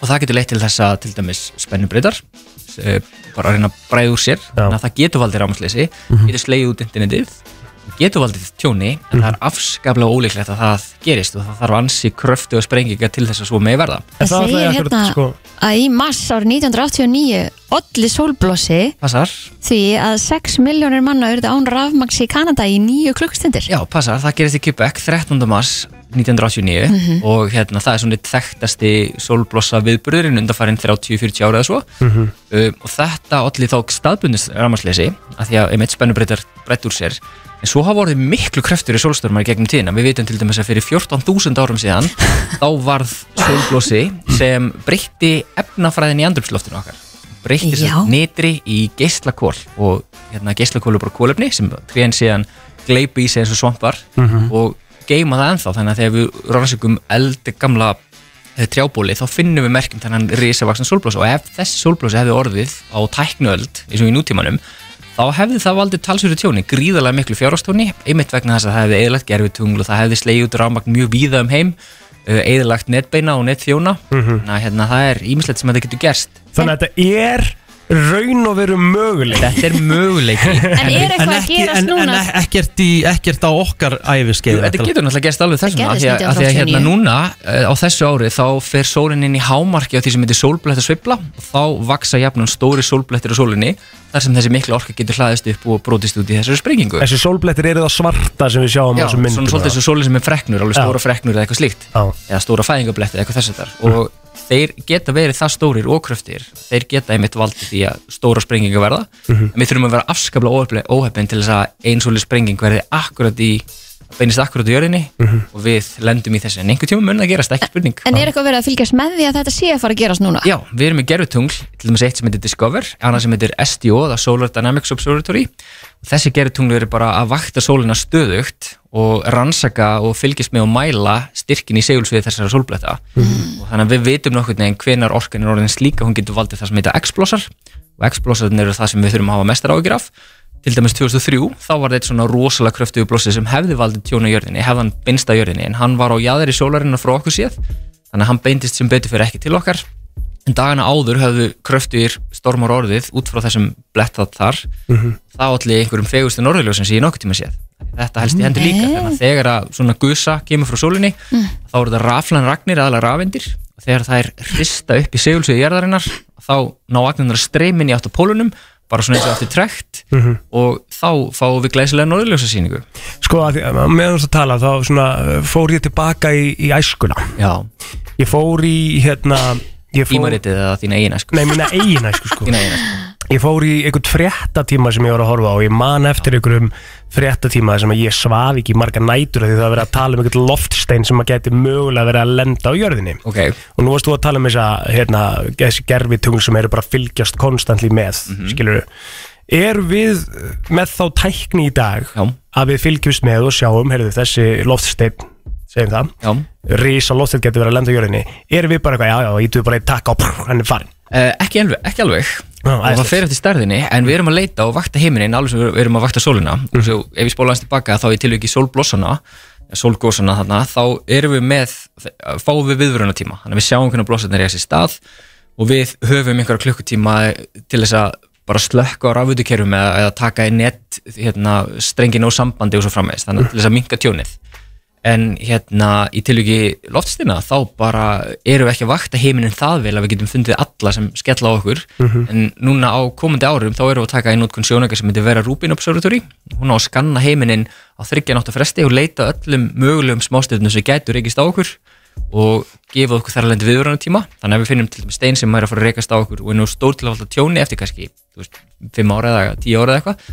Þá myndum við bara smíða geimfar sem færi og skilli á því Já. myndi íta því, nekaði pínliti burt og því meiri tíma sem við höfum, því meiri er áhrifin Þannig að varnarkerfið er þannig sett upp að við höfum alltaf tíma til þess að bregðast við Já, vonandi, en svo náttúrulega bara þekkjum við það í sögun að stundum koma steinar sem eru það litlir að við bara höfum ekki orðið vör við á fyrirfram. Það gerist til dæmis í Tunguska árið 1907 ef ég maður rétt og svo gerist það í Tjeljabinsk núna fyrir 11 árum síðan í februar 2013 þá sprakk yfir borginni steitt sem var svona 25 metrar þörmálega svo. Og aflið sem hann springur er á við svona tu- hvað var að segja, 20 kjarnunguspringir þannig að þetta er engin smá kraftur en sem betur fyrir þá ver andrumsloftið okkar uh, okkur fyrir þessum vágestum og þeir springa jafnan en þeir springa með slíku aflið þeir geta valdið mm, töluvert miklu staðbundu tjóni. Já, Herðu, Sævar Helgi, þú ert ekki að fara neitt eh, Eftir eh, eitt lag þá ætlum við að ræða eins hlaupár Því það er hlaupár í ár En hvað er hlaup? Stjórnur Sævar, Sævar Helgi Bræðarsson Ennþá hér hjá okkur vorum að ræða Solgos Áður en fórum í þetta lag með herran Heitusbjör En við ætlum aðeins að ræða hlaupár. Eins og flesti vita þá er hlaupár á fjögur ára fresti. Þá fáum við einn aukadag í februar 29. februar og það er hlaupár í ár. En uh, Sævar, mér langar að spyrja þig Hvað er hlaupár og af hverju? Ég hlauparinn er kannski grunninn ár sem er einum degi lengra heldur en hefbundið ár. Já, þannig að 366 dagar er staðan fyrir 365 og það helgast að því að sólin okkar eða jörðin okkar heldur er ekki nákvæmlega 365 dagar fyrir kring, kringum sólina heldur 365 daga og tæplega 6 klukkustundir. Og þannig að ef þú tekur 6 klukkustundir sinni fjóru það færður náttúrulega einn auka dag á fjögur ára fresti. En svo vandast málið því að sóli, eða jörðin er ekki nákvæmlega 365 daga og 6 klukkustundir heldur 365 daga og 11 mínútum skemur heldur en 6 klukkustundir. Það þýðir að ef að við höldum áfram eilíflega eða leiðrætta á fjóru ára fresti þá verður smám saman skekkja í dagatalinu okkar. Það hliðrast til það mikið að, ástíðnar sjálfar verða úr syngi við sólugangin erum við það ekki svolítið það sem við erum að upplega núna? svona nánast, já, þetta er, já. Veturinn byrjar að fara í janúar. Jú, en þetta er náttúrulega háveturinn núna, þannig að kannski já. ekki dólíklegt og reyndar þá, sko, stjartfræðilega þá hefst veturinn náttúrulega ekkert fyrir ná vetur sólstöðum. Já. þetta er bara fullkomið. Ok. Þannig. en þetta náttúrulega myndi því það ef við ætlum ekki að leira þetta dagatalið ef við myndum ofleira þetta, þá myndum við á endanum fagna jólunum um sumarið en ekki um veturinn og svona, þannig að þá er önnur regla. Hún er svo að þegar að koma aldamóta ár að þá er ekki hlaupár nema að það hægt sé- hægt sé að deila aldamóta árinu með 400 þannig að sex, nei, hérna, 1600 þá hlaupár 1700 ekki 1800 ekki eh, 1900 ekki en 2000 er Með næsta hlaupár á svona, það er 2400 já, akkurat. Eða 2002, jú, 2000, já, 2200 eða ekki? Ég ætla að deila því með, nú kann ég ekki starffræði lengur en það skiptir ekki öllum máli. En alltaf 2400 er já, er hlaupár, þú líka. En af hverju er allir mánuðin ekki bara jafnir? Eh, Það gengur heldur ekki upp alveg samkvæmt hérna, tölunum að því að við miðum okkur líka við hérna, tunglsgangin og þjóður hafa gert það í gegnum tíðina þannig að það er, og svo, þetta hefur svona sögulega skýrskotun líka, það er að Rómverja settu á lakirnar fyrsta lagi tíu mánuð ár þannig að árið þar byrjaði í mars en ekki í janúar. Og þess vegna er til dæmis september sjöundi mánuðurinn þegar september sjö. Ok, þannig að eh, fólkið í, í Róm fyrst um sinn, það í raun og veru pældi ekkert í þessum tveimur vetramánuðum sem voru það janúar, februar hjá okkur. Það var bara frí og þetta var ekki talið með þetta var vetramánuðurinn en svo kom skekkjan fram og þá var ákveð að bæta tveimur mánuðum við rómanska dagatali sem eru þá janúar, februar og dagurinn eða ári hjá þeim byrja þá í mars. En svo voru setna meir þegar tekinur upp hérna gregorianska tímatali og svona að við förum að kannast við tímatali sem við notum í dag. Og þá var tekin upp 29. februar í staðan fyrir að segja þú veist, 30 eða 31. júni eða eitthvað svo leiðis þannig að hérna, þetta er bara svona fyrst og síðast sögulegt. Ok, þannig að það er engin önnur sérstök ástæða fyrir því að við segjum að við bætum við í februar heldur en einhver annar mál Nei, í sjálfu sér ekki, þetta var bara svona, já, sögulegt sem á reykja til Rómar fyrst og síðast. Dagatalið sem við þekkjum í dag Já. Það 12 mánuða dagatal Já. Hvenær fór þá laggirnar og hvernig anskotan var hægt að búa til og hver gerði það? Það byrjaði fyrst hjá Egyptum og þá notuðu það að tunglið til að stiðast við það. Þá voru þeir með frekar jafn dagatal sem var cirka 30 dagar en í Róm þá voru Rómverjar frekar hjátrúfullir þannig að 30 dagar voru, var óhapa hjá þeim Já, já. það var aðeins breytt, sett 31 dagur í stæðan fyrir 30 og svona og svo bara erum við ennþá að nota þessa Finnst það búið að vera svona sko. frelsi með þetta Þetta er Já, svona, æ, af því að- hendum einu hér og einu svo- við hér og- Nákvæmlega, því að svo hefur þetta verið mismöndi í, í mismöndi menningarsaflum Við vitum til dæmis að ennþá er kínverska tíma til aðeins öðru seldur en okkar Já. og svo er fólk sem notar ennþá tunglið og, en ekki þetta hefðbunna en þetta náttúrulega til skekki og til þess, að, sa- til þess að samra með þetta þá gerist það í raun og veru ekki fyrir ná svona 17. og 18. öld þegar viðskiptið milli landa fyrir eiga sér stað það fer að vera praktíst og hagkvæmt að allir stiðist í sama kerfið og þannig til dæmis komið líka til hérna, tímabeltin hjá okkur að við, við, við þurftum að vita hvenar hvað klukkan væri í öðrum Já. löndum út af viðskiptaháttum Þannig að það er raun og rjá, verslun og þjónusta sem að veldu því að dagatölu okkar er það eins og það er í dag svo er það stilt af bara af stjarninsindabunum. Af hverju er februar svona stuttum mánuður? Eh, februar var bætt við og mars var náttúrulega fyrsti mánuður hjá Róm og hann hafði mikla þýðingu þar Já. þannig að til þess að bæta við einhverju mánuð þá þess að bæta einum stuttum við og Já. februar var fyrir valinu. Sko, en, en svo þú veist að tala um tímabeltin Já. Var eitthvað tíman á þeim tíma í heiminum að klukkan var bara alltaf eins allstaðar?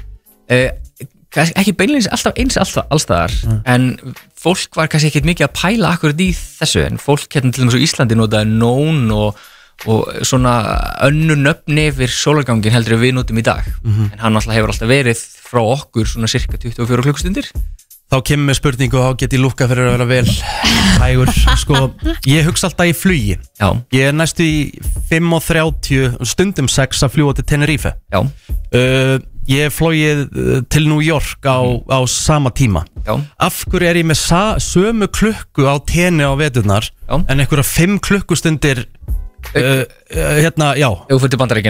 Já. það er bara út af því að við skilgreinum hérna 0 tíma, eða heimstíma sem svo hann gangi gegnum uh, konunglegu stjórnustöðin í Greenwich í, í Londonu bandarækinum, nei hérna Englandi. Ah. þannig að það er 0 punktur og svo fer örlítið í austur eins og til Teneri þá erum við nokkur neina sama tímabelti eins og Tenerife og, og Marokko og þessi staðir.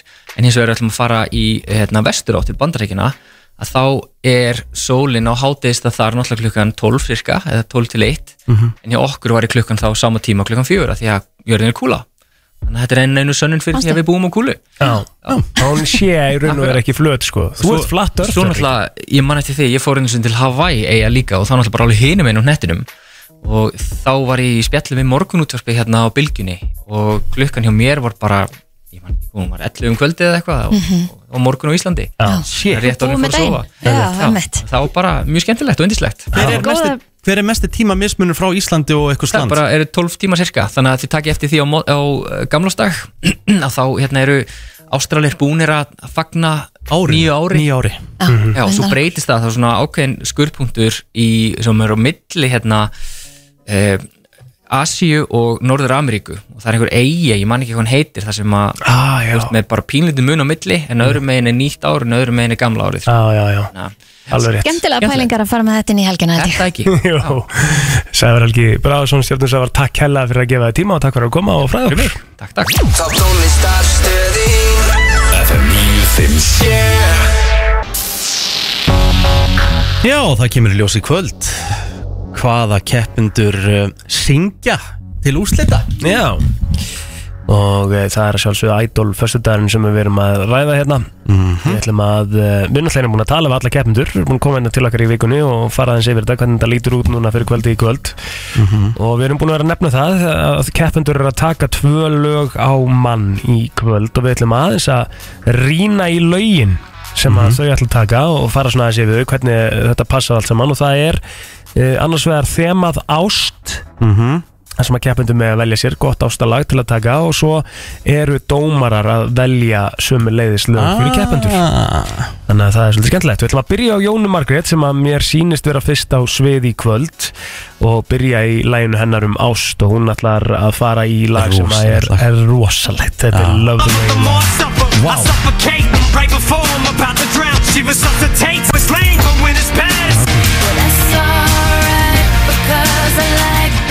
ég hlakka til að sjá þetta. Já, sérstaklega í ljósi þess að hún kemst ekki hjá því að taka M&M líka En sko. mitt, ég ætla að mynda að segja það. Þannig að hvernig ætlar hún að fara því að Það er bara þetta Já, Ég lagt til að Ég hlakka til að sjá það sko. Hvað gerur við hennan kabla? Skilur við, ætlar það bara að rappa? Þá er það bara cool. Eða ætlar það að syngja rappið? eitthvað Þess vegna bara breyta læginu eitthvað? Við erum að breyta það bara helling.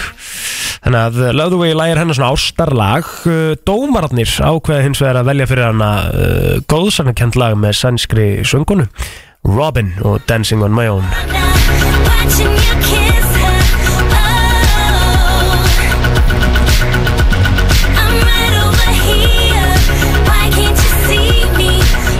Herri, wow Þetta er í alveg eitt bara bestu poplöðum sem að Sammála ég man eftir. Rísalög Já, Ég er ennþá, ég er ennþá að DJ með þessu lagi sko. Já, þetta er sturla lag sko. Ég er eiginlega svona ég, ég, Calm Scott maður og allt það sko. En hérna, hann svona náði nánast að setja smá sára á þetta lag. Nei, tölum bara reynd út. Hann bara, úst, hann reynda líka lagi Er það ekki? Jú, jú, Það er bara reynskilin Já, þetta, það var, en þetta, þetta upprunalega lag er algjörlega störtla sko. Þannig að þetta, þetta eru tvö rosalega lög í jólum Mhm. Kristín, viltu fara yfir uh, Stefán? Herðu, Stefán Óli verður næstur á svið og um, já, ástarlagið sem hann ætlar að taka er Anyone með Justin Bieber I need to make sure you know that you are the only one Ég er búin að gleyma þessu lagi Við erum að fara að spila í heilsin eftir Já, þetta er bara störtla lag sko you.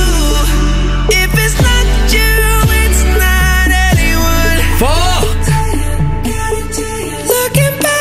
back on Vá hvað ég hlakka til að sjá hann taka þetta maður. Hann er að fara, þú veist, hann er með besta lagið í kvöld. Já, já þú veist, bara, bara reynd út. þú veist, þetta er náttúrulega bara störla lag frá bíbönnum, þannig að ég, svona, ég, ég mun örgulega halda einhverju leiti með Stefán Óla þegar hann, hann náði mér hana og dómaravali verður síðan Leave a Light On Tom Walker. Got grace cause we've all made mistakes. If you've lost your way, yeah, I'll leave the light on.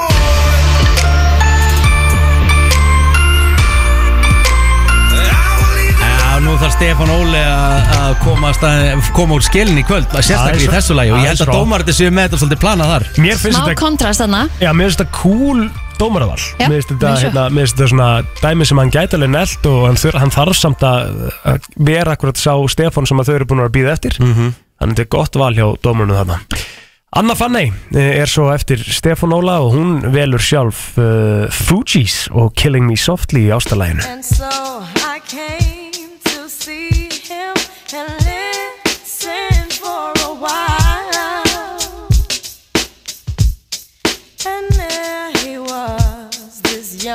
trillt lag náttúrulega. Gekkjalag og á En- vel við hana. Já.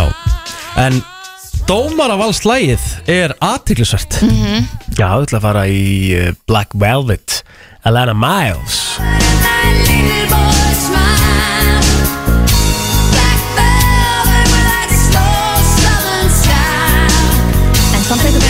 on hún finnst mér. Ég er svona 90% sem að Daniel August valdi þetta.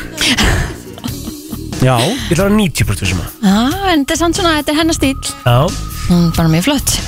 Svo það Björgun sem að eh, verður sinnustur svið uh, í kvöld. Og ástarlagið sem að hann valdi sér er Losing You, Randy Newman. But I made through. But I'll never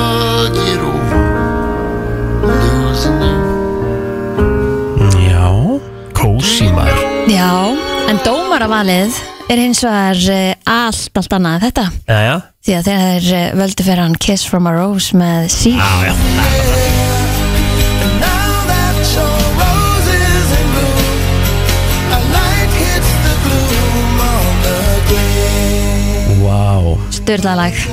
Herru, þetta verður aðtiklisvert Þetta eru hörku lög kvöld, þetta eru stemmingstátur Átta lög flutt. Já, áttalega flutt, ég hlakka til að horfa Byrju, hérna, Hvað voru þið mörg í byrjun? Þau voru átta í byrjun Þannig þetta er, Emmett, búið þetta er að akkurat þetta átta helmingin Já, Svo er bara úsleitað þáttur í næsta föstudag. Úf, Emmett, maður getur ekki valið. Nei. Hérna, bara gæðin eru það mikil sko.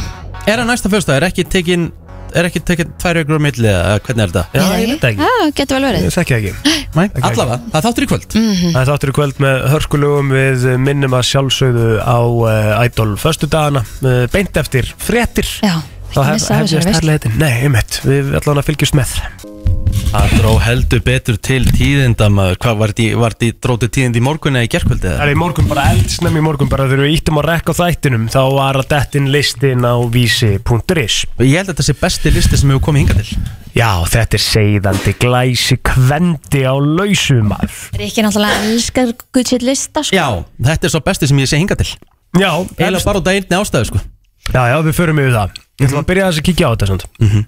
Það er alltaf áhugavert að skoða þessa lista og Svala Björgvins er hérna nefnd fyrst. Sva- Svala náttúrulega og fyrirvendu kærastinn hennar uh, Alexander Ekholm. Alexandersson þau hérna ákveða að hætta saman í byrjun oktober í fyrra eftir rúmlega svona árs samband Mhm. og það er náttúrulega verið að segja hérna, Svala sem er glæslustu konun landsins kynþokkafull sjarmirandi og skemmtileg. Hver er ekki eldast, eldast eins, og, eins og hún? Emmitt við getum Hún bara var því. Já. Hún er sæt. 46 ára. Hún er glæsileg. Lítur rosalega vel út. Glæsileg? Já, Bríett uh, er þarna núna uh, nummer tvö þarna á þessu lista. Ljúfur töffari sem kemur á óvart blíðabrósið, augnaráður og kynþokkin heldtekur mann er einhver hérna sem að segir þetta um Bríett en, en hérna, Eðlilega flott myndaðin líka sem fylgir með. Já, hún má eiga það um Bríett sko, hún sko. hún kemur sér í svona aðstæður í pósum sem eru svolítið svona sérstakara og verða svolítið cool Já, sérðu það til dæmis að mér myndi detta þetta í hug Ég er nefnilega held að við þurfum að uppa leikið þinn þarna Já, það Við getum alveg gert þetta Já, aldrei ég myndi snar lúka í þessu líka Algjörlega, í hérna rastlösu buksuninu, nei hvað heita Já, hérna? já, já, já, Já. þær voru reyndar með rassar og gegnsær Já, gegnsæ Já. Að fara í þeim, þeim svona upp á svona klósett og prófa, prófum þetta. Endur gerum þessa mynd. Ef þú gera? Já, Ok, við þurfum að þá að vita hvað þetta klósið er. Já við bara finnum eitthvað gott klósett, eitthvað annað gott klósett Ok. Kristín Ólafsdóttir, fjölmjölakonna, þrítug Hún er fréttakonna á stöð 2 og einn umsjónumann Íslands í dag. Mhm. Mentuð í íslensku landsmönnum og gó- Svarklár. að góðu kunnenda hefur hún verið á skjánu lengi Fastagestur í sundlegu vesturbæjar. Og var þar einmitt í gerkvöldi í einslægi Já, Já, það Einhverju ok. tónleikar í Vesturbæluvinni Hún var bara þar í pottinu með, með fólki í viðtölum. Já, er ekki einhver vetraháttur í Reykjavík? Jú, akkurat út af því. Ég er náttúrulega sko, eins og kannski flestir vita er ekki mikill sundmaður en, en hérna, ég á ég er með tilfinningar til sundlega vesturbæðar mm, Ég bjóð á hagamælunum sem krakki. Já, áður en ég flutt á nesið. Mhm. og hérna, og þá, þá vorum við duglega að fara þar í eitthvað piknik og eitthvað næs piknik í sundið? Já, piknik er þess að bara taka með sér nesti í sund. Svo vorum við bara að maður um daginn og svo bara að borða eitthvað svona dæmi. og svo leið mér alltaf ömulega um kvöldið að þetta var svo ógeðislegt. Heiður Eggertsdóttir, förðunafræðingur og eigandi Reykjavík make-up skúr er hérna á lista líka. Og eh, stendur hérna síða dökka hárið, langir leggir og góðmennska er blanda sem seint klikkar. Mm. og uh, Hún fór eftir minni uppskritti Gegnsæðböksum Já, um eitt, hún er í svona svipuðu stöff á þú hana. Mm -hmm. Herru, svo er það okkar kona Rakel Maria Hjaltadóttir. Já. Förðunafræðingur Og eins og stendur hérna blíða brosmilda gleði Sprengjan Rakel er engri lík. Uh, Veitir fólkinni í kringu sig innblástur á hverjum degi Með hilsusamlegum lífstilreyfingu, jákvæðni og starfsfram Og ég ætla eiginlega að bakka þetta upp. Ég ætla að bakka þetta upp því að hún sminka mig reglulega því ég er að fara í TV Já. Maður er alltaf gladari með daginn eftir að maður er búinn hjá henni. Já, hún er alltaf brosandi. Og hún er bara alltaf hress. Alltaf res, alltaf brosandi og í, gó- í góðum gýr sko. Þannig að hérna, ég raunin ótrúlegt að Rakel sé á lausum. Að uh, því næsta laufilín er á listanum. Já, tónlistakona Já, sem er náttúrulega bara orðin heimsfræg ekki Mhm. flóknar heldur en það, hún er bara á, á, hérna, á, á lista yfir bara fr- frægustu söngurinn heims í dag. Búin að taka jazzin og, og, og hérna að segja, shit, Rikki, þú er haldar fram Já, uh, já uh, ég, ég bara feipaði stið Hún gaf út uh, tvö lög með stórstjörnunni Nór Nór Nóru Jones. Ah, Búinn. Okay.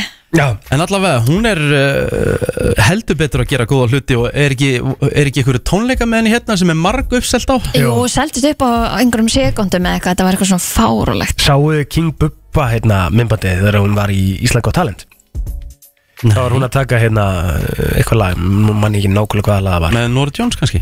Nei, Nei, ok uh, eitthvað, kannski með Alicia- Alicia Keys eða eitthvað mm -hmm. en hún var að taka lag og Bubbi hérna las hana Bubbi sagði bara það er svona hæfileikar sem þú ert með sem að koma bara á þú veist ársfjórðungsfresti Mm. þú ert sérstök, þú ert einstök eins og Vá. wow. það Bubbi kann þetta maður Herru, Elisabeth Eithosdóttir Beta Ei er á listanum líka uh, úr Sistrum ekki um hana sem Eurovision faranum okkar og líst hérna sem algjörst fyririldi kaldæðin og heitla mann upp úr skonnum með sinni blíðu og sérmerandi rödd. Já, hver var ekki til að láta syngja síðan Já, Hvemlega Herðu, næst á lista. Lord. Kristín Rut Jónsdóttir Útaskona á FM 957 38 ára gömul sem er reyndar ótrúlega Þú lítur fáranlega vel Djöðlar það er gömul maður. Já, og lítur ekki Takk fyrir út þetta. fyrir að vera þetta gum Nei, alls ekki sko. Lítur mjög vel út Kristín. Mín Takk. Og eins og einhver meistari lýsir henni hérna Kristín er rosaleg, skemmtileg, fyndin og hress típa sem gerir allt fyrir vini sín og vandamenn. Þú vilt hafa Kristínu með þér í liði. Ég, hérna, má ég bara skjóta? Varst þú einn af þessum Ah. álitsku? Herru, jú, ég var já, þetta. já, já, já, já, já. En ekki, ekki um allt sko. Nei. Ég var bara beðin um, beðin um smá kvótum hann að Kristínum Já. Það er kannski átt að láta mig vita að þetta væri að fara að byrtast Nei, alls ekki, það er miklu leiðilega sko. En Já, já. Íver er náttúrulega slitnað upp úr sambandi hennar við pizzabakarna Milin Meinarsson Betur þetta sem Villa Vilsson og, og, hérna, og Kristín er þekktasta útaskona landsins vekur hlustendur brennslunar á FM 957 og hverju mótni með sinni mjúkurött og dillandi hlátri Já, alveg svolítið dillandi hlátri, ég getur nokkuð sammála þessu og hérna, og ég bara, Kristín Já. stórt fyrir þig að vera á svo lista, eða ekki bara Líður ekki bara vel með það? Hérna, hvað hva meinar er stórt? Nei, bara þú veist, gaman að vera á lista Aha. þú veist, ég meina, þetta er glæ, segðandi glæsikvendi á lausu Já, já Það er alveg góð lista til að vera á Mhm. Hvað ertu komið með marga lista núna? Þú ert ekki komið niður mig Komin yfir þig á að- að vera á listum Nei, ba, ba, aldrei, ég myndi aldrei ná því sko. Ég er náttúrulega bara huglustu pörlandsins Svo Já, náttúrulega unglegustu aldrei verið þar íslendingarnir sko. Nei. Já, ungl- Nei, aldrei verið þar heldur. Þú gætir alveg verið Hún unglegustu ætti, íslendingar. það væri rétt Það er mega meira sens Það er mega kannski aðeins með það um, Já, með meira þeirna Jú, Hödd Viljónsdóttir eigandi og frangatustjóri Kvis og Almanatengill hún er á lausu líka. Uh, og svo endur þetta Þórdís Elfu Þorvaldsdóttur sem er réttuundur og, og barátukona og, og eins og við ásæði það Já, já. er, eru Embla Vígum er hérna líka maður og Ingalind Kallsdóttir og rosalegu mikið af uh, Glæsilegum segðandi glæsikvendum hérna á Íslandi. Fullt hérna á þessum lista ætla, að þessi listi eftir að skila því að, að við göngum allar út eða? já sko ég, ég veit alveg að það er 100% skallmann úti að skoða svona lista. Já, svona veltaði fyrir sér, allavega kannski að dagdreima aðeins, 100% en það ekki Bókamál. Til að- hamingjum með að vera á listanum Kristín. Ef að þú, ef að þú varst að lesa Vonandi þennan lista- verður- Vonandi verður heppin um helgina. Já, um mitt, ég meina nýbúin í klippingu og eitthvað. Herri já, fínt að vera hárið. Trúlega fínt aðra árið Þannig að ef að þú varst að dagdreima um Kristínu og meðan að þú last hennan tiltegna lista og, og, og Slæti í DM hjá Kristínu Rutt Er það ekki? Ekki spurning. Já, Topp tónlistarstöðin. Herði, við ætlum að uh, Maður sjá Við ætlum að Við ætlum að opna fyrir síman það klikkaði eitthvað Já, smá hérna, en allt í góð Já. Við ætlum að opna fyrir síman 511-0957 Hvað eru að fara að gefa krakkar? Herðu, Kristín, ekki svo vel já, við ætlum að gefa heilsu vöru vikunar Mhm. uh, Funlight er búið að vera heilsu vöru vikunar hérna á FM 957 þessa vikuna.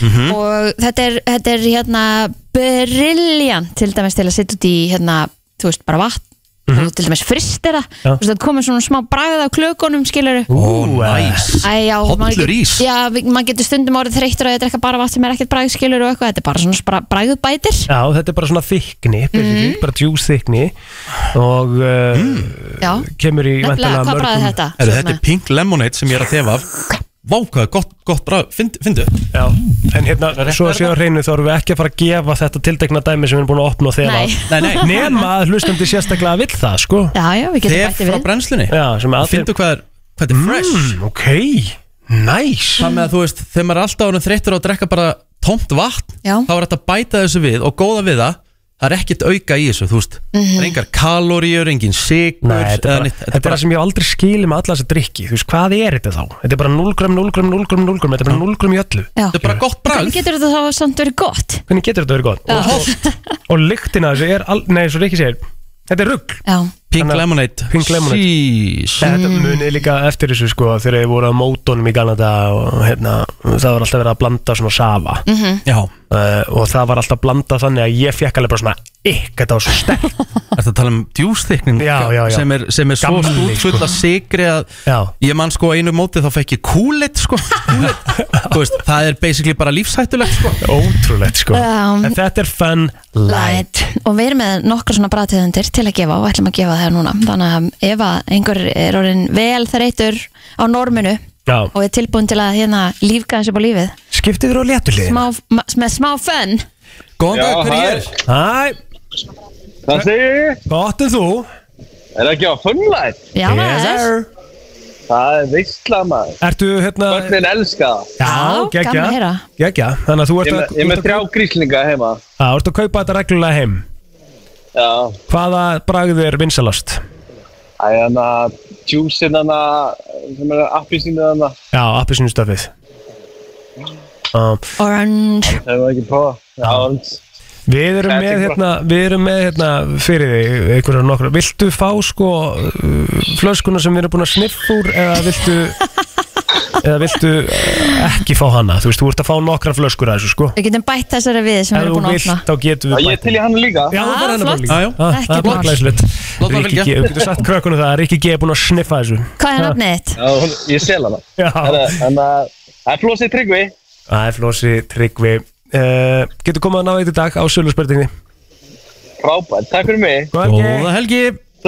Ég vil að ráða hana Já, svo fljótur. Herru, er þetta Já. ekki bara helviti gott? Ég held það. Hvetjum alla til þess að fara í næstu veslanir og ná sér í uh, þetta. Fun light. Fun light. Let's go. FM 957 Topp tónlistarstöðin. Með þeim virta Vissir þú að abar kúka bara einu sinni í viku? En vissið þú að selir gera í raun ekki neitt? Tilgangslösi móli dagsins Í brennslunni Já, já, já já. Heyrðu það, Já, vissu það að Ástralía er breyðar en tunglið Já, ég held að ég búin að koma fram uh, já nokkur sinnum ég, ég, ég, ég kom með hennar móla þú varst veikur Já. ah, já, já Ok, þannig að þú ert kannski búið um allt þetta henni staf Hvað er haldt áfram? um, Vissu þið að að Rikki G Mm. ólst upp í árbænum flutti síðan í hlýðarnar og er meiri valsari heldur en, heldur en fylgismæður Áhvert Nei, nei, þetta er náttúrulega bara Ekki rétt. algjör þvæla Aldrei búið í hlíðunum Ég flutti úr árbænum og ég breiðalt Já, Ég valsari einfallega út af því að ég fekk ekki eitt val Pappi bara gerði mig að valsara Já. Ég, ég, var, ég var að meina það mm. -hmm. Er þið það ekki alveg? mm. Já. Vissu þið að Kristín Rut Mm. er uh, alin upp á Seltjarnesi fór í uh, Mánabrekku Mhm. og þaðan í Mýrjósaskóla þaðan í Valsaskóla Mm. og þaðan yfir í Kvennaskóla Reykjavíkur og uh, var hörkun ásmaður já Vissuðu það að Egill Pló- Vissuðu það að Egil Plóter er nefnilega svolítið magnaður að í hvert skipti sem einhver segir eitthvað kannski bara smá ljóttum hann á netinu Já. þá þarf hann að nota svepptöflur til þess að sofa næstu nætur og eftir. Þetta var eina rétti sem kom út úr þessu öllu Nei, ég, ég myndi að septefla einu svona aðvinni sko. Þannig að það, ég, myndi, ég hefði þurfti að vera búin að nota helviti margar septeflur ef það væri staðan sko. Er þið rétt ekki bara þvæla? Nei, okkur, ég er að, ég er að finna þetta einna maður. Það er ekki allir góða það Er eitthvað stress? Já, jú. Er það nokkuð? bara, Já, já. Vissu þið að, að hérna, fyrsta kvikmyndin til að setja út svona soundtrack Já, svona motion picture soundtrack Mm. var uh, Mjallkvít og dvergandir sjö. Mm, skemmtilegt. Mm Það er talað um það að besta soundtrack sögunar mm. komi úr myndinni Tarzan. Með Phil Collins. Já. Já, Getur við verið sammála því? Já, en Lion King. Lion King en upp þeir sko. Mm, alveg upp þeir en ég held hún topp ekki Tarzan. Já, ok. Nei. Um, um, Ég held þessi búin í dag. Já. Er það ekki? Jú. Já.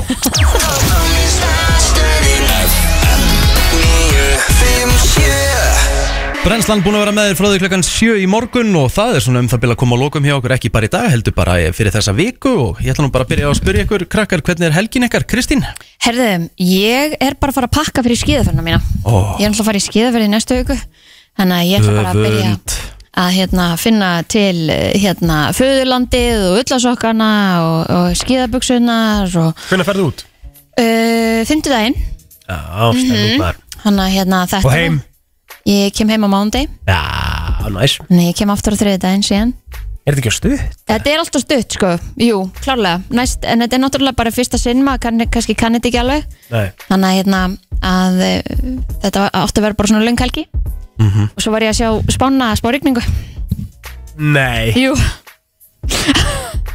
Hversu umulegt Þetta er samt langtíma spá Æ, Þetta er ennþá langtíma spá þegar það er vik í þetta Kristín. Ég ætla rétt að vona það sko. Með hérna Æ, djöfull er það leðilegt alveg sko grænjandi rigningu. Nei, Jú, alveg bara allan tíman eða? Það er hérna rigning á föstudeginum og rigning á lögadeginum og já, mögulega kannski smá sól hann á sundeginum Þú sérð fyrir skíðaferð, þá sérð fyrir bláan heiminn og, Já. og brekkur sko. Já, og ég er búin að vera sko núna í, síðan að þið pöntuðum þetta allir júli í fyrra sko. Já, Ég, hérna, Instagram mitt í hérna, Explorer glugginn er bara fullur af skíðamyndum. Já. Þú veist, sem eru náttúrulega trilltar náttúrulega bara krem til að krem sem að maður Það einhvern veginn sjálfsögðu, þú póstar bara því Já, þú veist. þannig að hérna Þú verður að sína okkur, þú verður að sína okkur. Ég, ég vil sjá raunverulega hvað er að fara að gerast það All- já, á Instagram. Já, Já, já. látt okkur bara að vita Já, Skilur. þið verður bara að fylgjast Er með þetta mér á þetta er Instagram. austuríkismæður Já, a- a- ég er að fara að heimsækja þitt fólk. Þú getur náttúrulega fundið eitthvað kall þar.